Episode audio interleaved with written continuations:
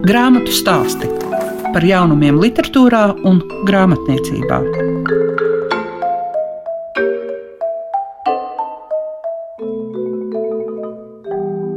Garciemā tikai 650 metru attālumā no jūras tapa šīs dienas grāmatu stāsti, ko veidoja Sliega Piešiņa. Jūs varēsiet dzirdēt Gundaru Aboliņu. Viņš kā aktieris stāstīs par audio grāmatu pieredzi, bet Gundars Aboliņš kā tulkotājs vēstīs par Vladimira Zismana ceļvedes orķestra pasaulē un tās pažobelēs. Grāmatu stāsti tiem, kam grāmatu lasīšana ir vērtība. Vladimirs Zismans, ceļvedes orķestra pasaulē un tās pažobelēs ir tas, par ko Gunārs Aboliņš šodien grāmatu stāstos pastāstīs. Tā, tagad tu man esi atnākusi ar grāmatu, kurā man jāraksta autogrāfs. Pēc šo zīmolīti. Jā. Tas kāds bija tik garš, bet ir nodilis, un te ir palicis viens zils un viens sarkans galiņš. Tas ir tieši šis zīmols, ar ko ir rakstīts grāmatas vārks. Grāmatas vārka maketētāji un mākslinieci ir citi, bet nu, tā ideja nāca no manis.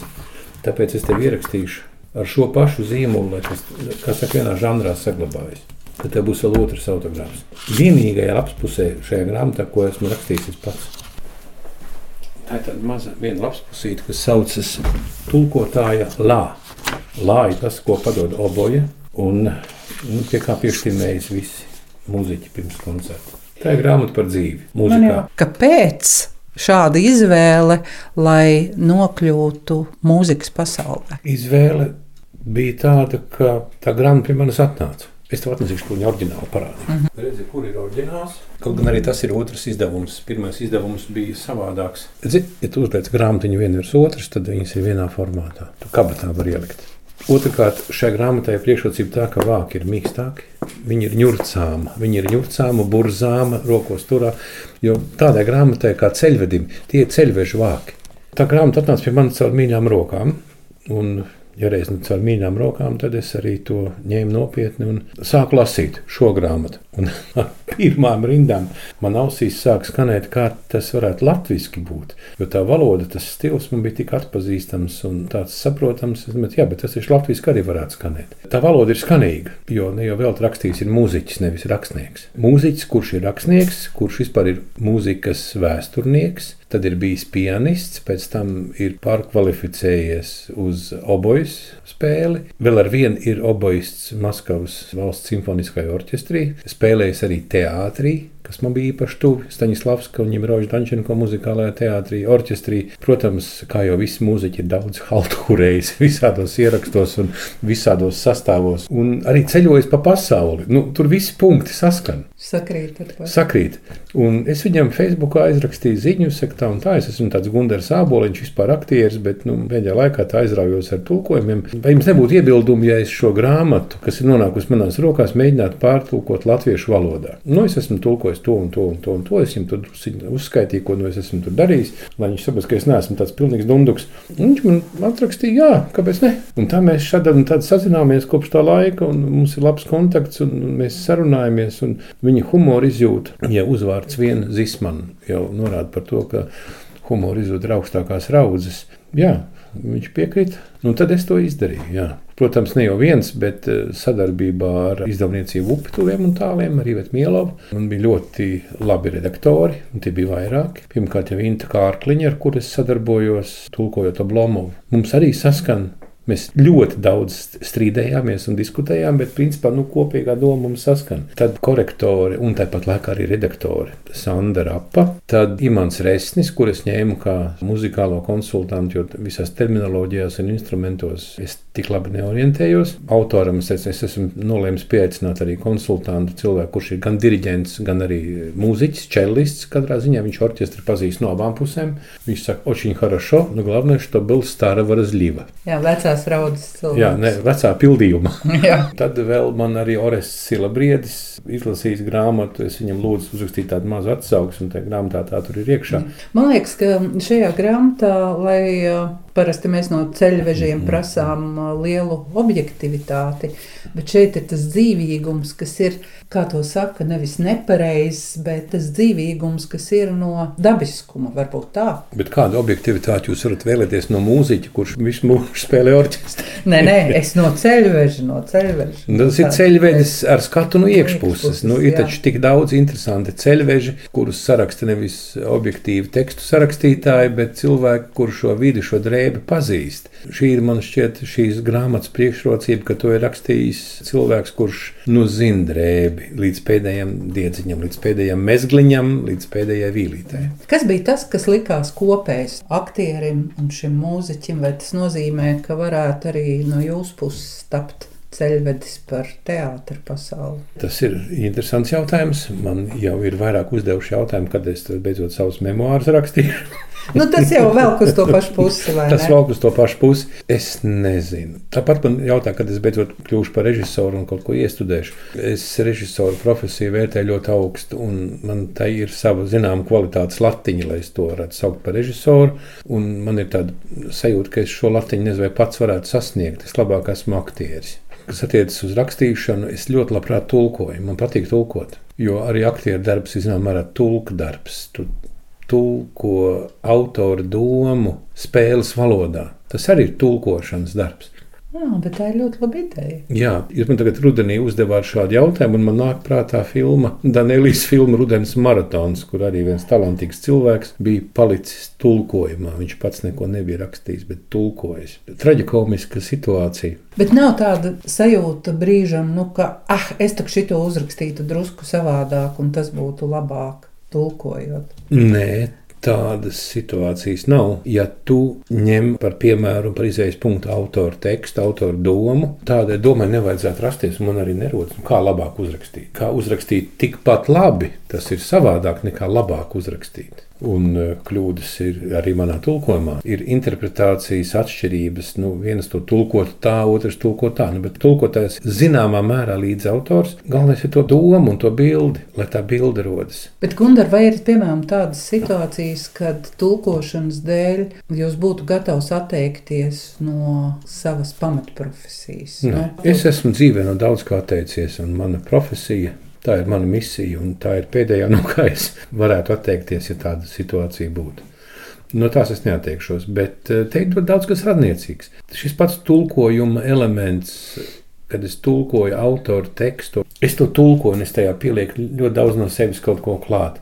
Tas jau nav diktāts. Tā ir grāmata. Nu, katrs cilvēks, kurš raksta kaut kur, varbūt neprecīzi vai kļūdīties kādā interpretācijā. Un, un viņam ir svarīgas emocijas. Viņam ir svarīgas emocijas, un es cenšos, ja nu gadījumā es to kļūdu pamanu, tad es cenšos to kļūdu atkārtot, nevis labot. Es arī visu Oblomovu zināju no galvas. Visu romānu es zināju no galvas, bet tas bija pirms pāris gadiem. Tas man ir kaut kur zemapziņā, varbūt nosēdies, bet es vairs neatceros. Galvenais ir bilde. Pirmkārt, vai jūs dzirdat, kā šī valoda skan, vai jūs nedzirdat. Un šajā ziņā man Dārts Meijers ir tāds orientieris, kā tulkotu tekstu padarīt dzirdamu. Mēs esam runājuši Dārts, un viņi man teiks, ka viņi savu tulkoto tekstu balsī, balsī tas ir ļoti būtisks aspekts. Balsī lasa. Ja balsī tas skan, tad tas skanēs arī tavā iekšējā balsī šo tekstu lasot. Ja balsī tas neskan, tad tur kaut kas nav līdz galam pareizi atrasts, izdarīts. Balss ir ļoti svarīgs elements, un es arī savus tekstus, vadoties pēc dācis pieredzes, es mēģinu lasīt balsī, vai tie skan. Un kā tas skan? Es lasu tekstu, un es gribu dzirdēt, kā šī valoda skan. Tāpat arī aktierim. Rakstīts teksts ir jākonvertē runātā tekstā. Grāmatu stāsti programmā Klasika. Mēs nonākam pie tā otrā jautājuma, kāpēc es arī jūs uzrunāju šai sarunai. Tas ir par audio grāmatām. Kādi Gunter, ir jūsuprāt tas lielākais pluss? Kāpēc vajag klausīties audio grāmatas? Nu, vispirms jau grāmatas vajadzētu lasīt. Vajadzētu. Bet situācija ir tāda, ka ļoti daudz cilvēku veselības problēmu dēļ vai citu iemeslu rezultātā grāmatas lasīt nevar. Un tādu cilvēku ir diemžēl ļoti daudz. Un es zinu daudzus savus kolēģus un tuvus cilvēkus, kuri nevar lasīt grāmatas. Viņi nevar pāršķirt labs puses, viņi nesaredz tos burtus un tā tālāk. Un tad ir iespēja to darīt audio grāmatas variantā, kad tu klausies. Tu klausies šo tekstu, bet šim tekstam ir jābūt ielasītam vai ierunātam tā, ka tam cilvēkam raisās tā bilde. Tāpēc visaugstākā no mākslām ir nevis mūzika, bet tēlotāja māksla. Arī teātris būtībā ir nevis tēlošanas māksla, bet tēlotāja māksla. Ja tu spēj ar tekstu, ar vārdiem, vai tāpat arī ar mūziku pārraidīt bildi, tad tas arī ir tas augstākais, ko ar to var sasniegt. Lasot grāmatu, cilvēks lasa, un viņa fantāzija raisās, un darbojas un attīstās. Tas ir neatsverams ieguvums cilvēkam, kurš lasa cilvēkam, kurš nevar lasīt, tad var mēģināt kompensēt to ar labu šīs grāmatas lasījumu. Tad, protams, ir tas jautājums par kritērijiem, kas ir labs grāmatas lasījums, informācija par to, kas ir rakstīts labs pusē, vai tēla un bildes uzbūrums. Gundar, cik reizi jums ir pirms tam jāizdzīvo, jāsajūt tas teksts, lai pēc tam varētu tapt šī skaņa? Lūdzu, tagad uztveriet manis teikto nopietni un neuztveriet to kā koķetēriju. Nevienu. Es nebiju lasījis mūžā dekameronu, es to lasīju pie tam kameras priekšā pirmo reizi mūžā.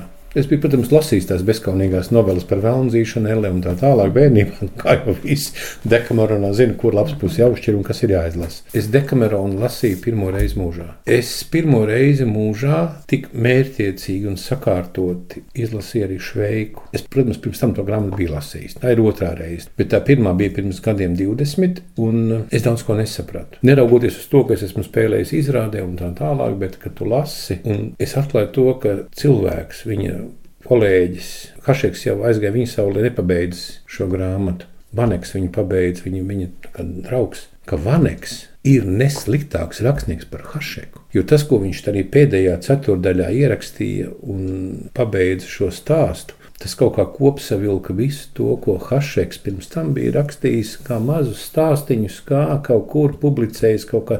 Arī šī grāmata ir radusies tieši tādā pat ceļā, kā Hašeks veiks. Tas bija piezīmes, kaut kādi rakstīņi, kaut kādas tādas, kā to sauc šodien, es nezinu. Un tad Vladimira Zismana draugi, to starp arī šīs grāmatas mākslinieca Jevgeņija Dvoskina, viņi teica, nu, man apkopot no grāmatā, nu izdod grāmatu. Nu, labi, viņš teica. Un tā viņš arī līdzīgi kā šveiks ir tapusi arī šī grāmata ceļvedes orķestra pasaulē. Tas ir tā kā mūziķis, kurš atver notis un lasa no lapas. Tā ir spēja, ko var uztrenēt, ko var attīstīt. Tas ir, protams, nu, talants, varbūt, jā. Pieredze arī. Principā pieredze, jā, nu, pieredze ir vārds, kurā mēs devējam savus kļūdas, kā mēs zinām.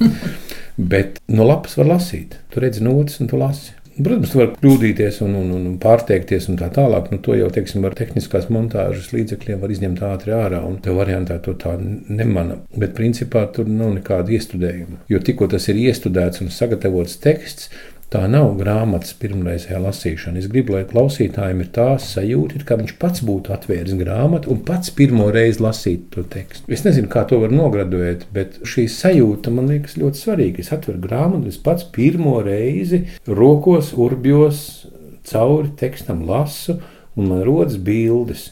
Bildēm ir jārodas. Ja nav bilžu, tas ir tikai burtu krājums. Tā nav grāmata, tā nav literatūra. Galvenais ir bildes. Arī literatūra ir tēlotāja māksla. Viss ir tēlotāja māksla. Vai ceļvedes orķestra pasaulē un tās pašobelēs būs arī audio variantā? Tāda doma bija, bet uh, Kultūra Kapitāla fonda atbildīgā komisija uzskatīja, ka tas nav aktuāli. Bet man jau liekas, ka arī m, saistībā ar audio grāmatas popularitāti ir tas, ka braucot ar mašīnu to var klausīties. Principā daudzi klausās uh, radio tā saucamais, kas ir aplādes vai leju vai podkāstu. Nu, te mēs arī esam, protams, drusku nogulējuši, jo tas pašs lasījums, ko mēs, ne jau tikai es, šos lasījumus iepriekšējās, kā saka, blokādes laikā, man visi kolēģi vēsti, kas par znotiņš, viņi ir lieliski lasījumi. Lieliska literatūra, ko viņš lasīja, izvēlējies. Ļoti pārdomāta izvēle. Vīlis Daudziņš, Sandra Kļaviņa, Baiba Broka, Gandrīz visi mūsu teātris šīs grāmatas ierakstīja laikā, kad vispār nekā nebija, kad visiem bija atņemts teātris. Diemžēl Spalmeņa naktas žūrija šo milzīgo darbu neuzskatīja par cienīgu vispār pat vērtēt. Un tas darbs ir pieejams, un tas ir tas svarīgākais, noteicošais, tas, ka cilvēki to klausās. Es biju nolēmis kaut kā aiziet no, no tiem sociālajiem tīkliem, Facebook, tā skaitā. Un man cilvēki atbild, kā, kā tad jūs lasījumi? Un es sapratu, pagaidi, bet tad es jau nocērtu arī to saiti starp sevi un tiem saviem klausītājiem. Jo caur to sasodīto Facebook, lai cik viņš nebūtu politiski angažēts, man tomēr saglabājas kaut kāda saite ar cilvēkiem. Nu, kam tad es to savu darbu daru, ja ne cilvēkiem? Tas bija viens no, no, no iemesliem, kāpēc es pieņemu lēmumu tomēr tajā narkotiskajā tīklā palikt. Jo kaut ko tur tomēr var arī cilvēkiem labi izdarīt. Kas ir tas, pie kā tagad jau strādājat? Man pēc šīs grāmatas operas orķestra mūziķi iedeva vairākas grāmatiņas, kuras viņi gribētu, lai es iztulkoju. Un tā viena ir arī mūziķa Makareviča grāmatiņa Mušskija nepitki. Tās pirmais izdevums ir Zaņemaķiļa narkoloģija, aizraujoša narkoloģija, kur ir runa par visām, nu, Krievijas, nu, kā mums jau Krievijas saistās ar lāčiem, kalašņikoviem un dzeršanu. Tas nav tik plakani. Dažādi alkoholiskie dzērieni un to lietošanas tradīcijas kultūrālā, es pasvītroju, kultūrālā veidā. Un tam visam klāt ir otrs autors, kurš ir profesionāls narkologs un uh, vēsturnieks. Par visu cērienu izcelšanās vēsturi, par tradīcijām, par ķīmisko iedarbību un kas tas viss ir. Nu, es pagaidām nobriestu tam vēl, jo tur ir, protams, visādi citi aspekti. Grāmata, Krievijas tirgumu, kur spētu atmaksāties, ir viena, un mums ir jārēķinās ar to, ka mums jau tā tirāža ir tāda, kāda ir. Jo ceļvedes orķestra pasaulē jau nevar konkurēt ar Karinu Račko. Tas ir ceļvedes pavisam citā pasaulē. Nu, kas nu kuram tuvāks? Kas ir tas, ko pašlaik pats lasāt un iesakāt draugiem? Ievadīšu tūlīt savā mm. istabā, kurā top arī audio grāmatas un video grāmatas, un, un jūs redzēsiet, kā tas izskatās. no visām četrām debesu pusēm. Man ir daudz, man ir atlikta literatūra, ko lasīt arī blokādas laikā. Pamatā es lasu literatūru, kas ir nepieciešama manam darbam, tiešām darbam, manai profesijai. Šobrīd es sāku lasīt Roaldu Dobrovenska, Rainas un viņa brāļi. Ārkārtīgi interesanti. Jo laika kavēklis vien nav pietiekams mērķis lasīšanai. Jābūt kādam svarīgākam mērķim. Kaut gan arī tas nemaz nav zemē metams mērķis, kaut kādus krimiķus vai kaut ko tādu var arī palasīt. Tāpat vien, lai es negribētu teikt nosistu laiku, bet lai laiku konvertētu labi pavadītā ar grāmatu. Nu, Tieši ar tās grāmatu kaudzēm mēs atradām ceļvedes teātri pasaulē. Tie viņš ir. Bet to ir uzrakstījis jau Denīdi Dro. Paradoks par aktieri. Ja tu gribi saprast, kāpēc meli ir tā svētākā patiesība, Jā, tad jā. un patiesība ir vispliekanākie meli, kā tas teātrī arī notiek. Jo kurš lielāks melis, labāks aktieris. Lūk, te ir ceļvedis teātris pasaulē, bet to jau ir uzrakstījis Denīdi Dro. Un es taču viņu nepārspļaušu. Nu, lūk, te vēl ir interesants grāmatas. Vāris Brasla man ieteica šo grāmatu. To es arī sameklēju Reinas kaudzīti, izjurieši. Nu, brāļa kaudzītes vispār ir ģeniāli. Nu, lūk, te ir grāmata kur mēs gan tikko Latvijas radio ierakstījām no vāka līdz vākam. Tā ir Kristīna Žēlis Grosvalde. Un vēl man sameklēja Ramona Umblī. Un izrunājās, vai ne, nebūtu interesanti. Es tagad izņemšu te tāds ārkārtīgi dārgs sējums. Bet te ir dzimtas un ģērboņi. Vienā sējumā ir dzimta ģērboņi, bet otrā ir šo dzimtu vēsture būtu tāds arī tāds audiovizuāls darbs. Dzimta ģērboņa video versijā, bet tad ir šo ģērboņu skaidrojumu, šo dzimtu vēsturi un tā tālāk. Audio grāmata jau rosina fantāziju. Tu klausies mūziku, tev rosās iztēle un fantāzija. Tā jau ir tā tēlotājs mākslas pasaule. Katrs pats sev gleznotājs. Jo interesantāk tu šo gleznu dažādos toņos un starptoņos veido, jo tev arī ir interesantāka tā grāmata. Jo informācija par to, kas tur labs pusē rakstīts, jau ir daudz par maz. Kā ir ar šīm papildus skaņām? Jo tad, kad ir radio iestudējumi, tad jau tomēr vienmēr tiek veidot arī tā skaņu partitūra. Nu, skaņu partitūra nedrīkst būt uzmācīga ilustrācija, bet tad, kad es lasīju uh, Dekameronu šeit, pat šajā istabā, kur mēs tagad stāvam pie šī paša galdiņa, tas bija jau pavasaris nāca un laukā sāka dziedāt putni. Un tie putni te dzied, te viņi ir ļoti daudz, tie ir tāds mežs. Un tie putni dziedāja, un es sapratu, ka nu, to, nu, ko tā, tad man naktī rakstīt, nu, ne, bet, bet tie putni, lai viņi dzied. Jo tie cilvēki jau šos stāstus stāstīja pie kādas strūklakas vai kādā terasē vai uz kāda lieviņa sēžot, un tā bija daba, un tas bija vasaras laiks, Un tie putni tur dziedāja, tā kā tas bija. Tad tie putni man arī dabiski tajā ierakstā tur arī skan. Kaut gan fonā ir grāmatplaukts. Bet aiz logs skan putni, tā dzīve tāpat kā Bokačo laikā. Izskanēja grāmatu stāsti. Šīs dienas raidījumā pievērsāmies Vladimira Zismana ceļvedes orķestra pasaulē un tās pažobelēs, un vēl Gunārs Aboliņš stāstīja par savu audio grāmatu pieredzi. Visu labu jums saka Liega Piešiņa. Grāmatu stāsti par jaunumiem literatūrā un grāmatniecībā ik trešdienu, 9.5. ar atkārtojumu Svētdien, 18.15.